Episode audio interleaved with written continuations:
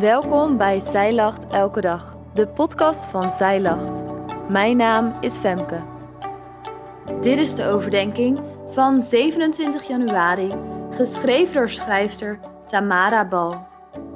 In Matthäus 13 lezen we de gelijkenis van de zaaier, waarmee Jezus ons leert over het koninkrijk van God. De zaaier gaat erop uit om te zaaien en het zaad komt op vier verschillende plekken terecht. Misschien heb je deze gelijkenis al heel vaak gelezen.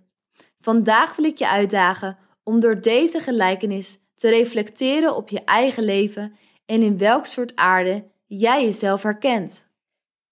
In Matthäus 13, vers 4 en 19 staat: En toen hij zeide, viel een deel van het zaad langs de weg, en de vogels kwamen en aten dat op. Als iemand het woord van het koninkrijk hoort en het niet begrijpt, dan komt deze boze en rukt weg wat in zijn hart gezaaid was. Dat is hij bij wie langs de weg gezaaid is. Een deel van het zaad komt langs de weg terecht. Dit symboliseert mensen die het woord horen, maar het niet begrijpen. Woorden van het koninkrijk van God die het ene oor in en het andere oor uitgaan. Een nonchalante houding misschien, met weinig intentie om meer te leren over het koninkrijk van God. In een tijd waarin alles snel moet en we weinig geduld hebben, is de verleiding groot om weinig tijd te maken voor het woord van God. Soms ben je zo druk dat er geen ruimte voor God is om te spreken, om een zaadje te planten in je hart. Zaad kan ook vallen op steenachtige plaatsen. In Matthäus 13, vers 5 en 6 en vers 20 tot 21 staat: Een ander deel viel op steenachtige plaatsen, waar het niet veel aarde had. En het kwam meteen op, doordat het geen diepte van aarde had. En toen de zon opgegaan was, verschroeide het. En doordat het geen wortel had, verdorde het. Maar bij wie op steenachtige grond gezaaid is, dat is hij die het woord hoort en dat meteen met vreugde ontvangt. Hij heeft echter geen wortel in zichzelf, maar hij is iemand van het ogenblik. En als er verdrukking of vervolging komt omwille van het woord, struikelt hij meteen. Het deel dat op steenachtige plaatsen terechtkomt, symboliseert mensen die meteen enthousiast zijn als ze het woord van het koninkrijk horen en er ook door bemoedigd worden, maar geen wortels hebben. Het laat het belang zien van het ontwikkelen van goede gewoontes. Het is belangrijk om tijd met God door te brengen, om je elke dag met Hem te verbinden en je relatie met Hem te verdiepen, waardoor je fundering steeds sterker wordt. Dan heb je het zaad dat tussen de dorens valt. In Matthäus 13, vers 7 en vers 22 staat: Een ander deel viel tussen de dorens, en de dorens kwamen op en verstikten het. En bij wie in het dorens gezaaid is, dat is hij die het woord hoort. Maar de zorgen van deze wereld en de verleiding van rijkdom verstikken het woord. En het woord onvruchtbaar.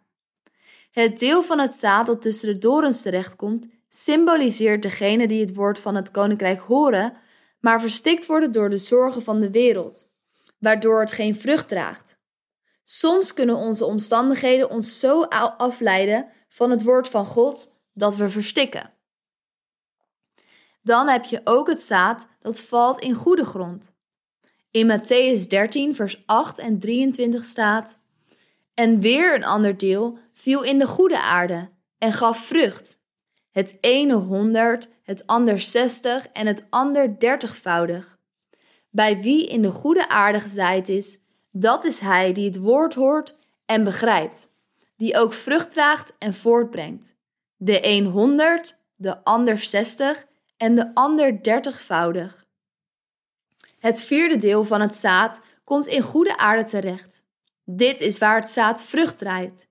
Dit zijn de mensen die het woord van het koninkrijk horen, het begrijpen, ermee aan de slag gaan en vruchten opleveren. Dit zijn mensen die zich niet laten afleiden door de zorgen van de wereld, maar weten wie ze zijn in Christus, wiens geloof niet wankelt als het moeilijk wordt. Jezus kwam om het koninkrijk uit te breiden Ik geloof dat je jouw aarde kunt bewerken zodat je jouw hart goede aarde is, waar Gods woord vrucht draagt. Je mag jouw hart openstellen voor het woord van het koninkrijk. Je kunt jouw relatie met God verdiepen door je dagelijks met Hem te verbinden. En onthoud, we hebben een God die groter is dan tegenslagen, die krachtiger is dan de boze, die beter is dan alle verleidingen die de wereld kan aanbieden.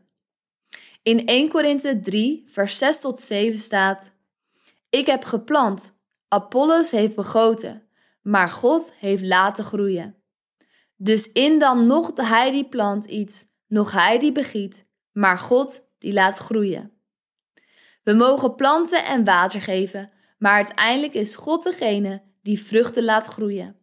Op momenten dat je afgeleid bent of als je diepere wortels zou willen ontwikkelen, mag je je aan die belofte vasthouden. God laat vruchten groeien in onze aarde. Op 14 februari start de 40 dagen tijd. In dit leesplan, Feest van Bevrijding, volg je de Israëlieten in hun reis door de woestijn van slavernij naar vrijheid.